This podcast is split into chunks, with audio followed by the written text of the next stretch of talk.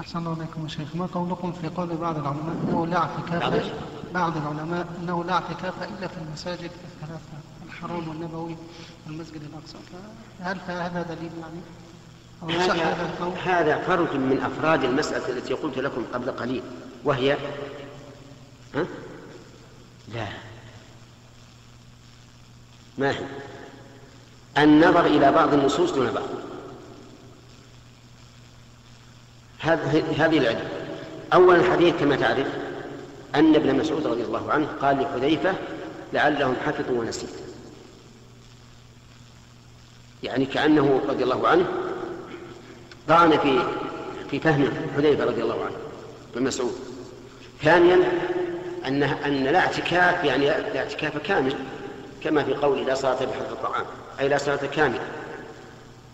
ثالثا كيف يقول الله عز وجل ولا تباشروهن وأنتم عاكفون في المساجد خطاب للأمة. ثم نقول هذا الخطاب العظيم القرآني يختص بثلاثة أماكن من بقاع الأرض.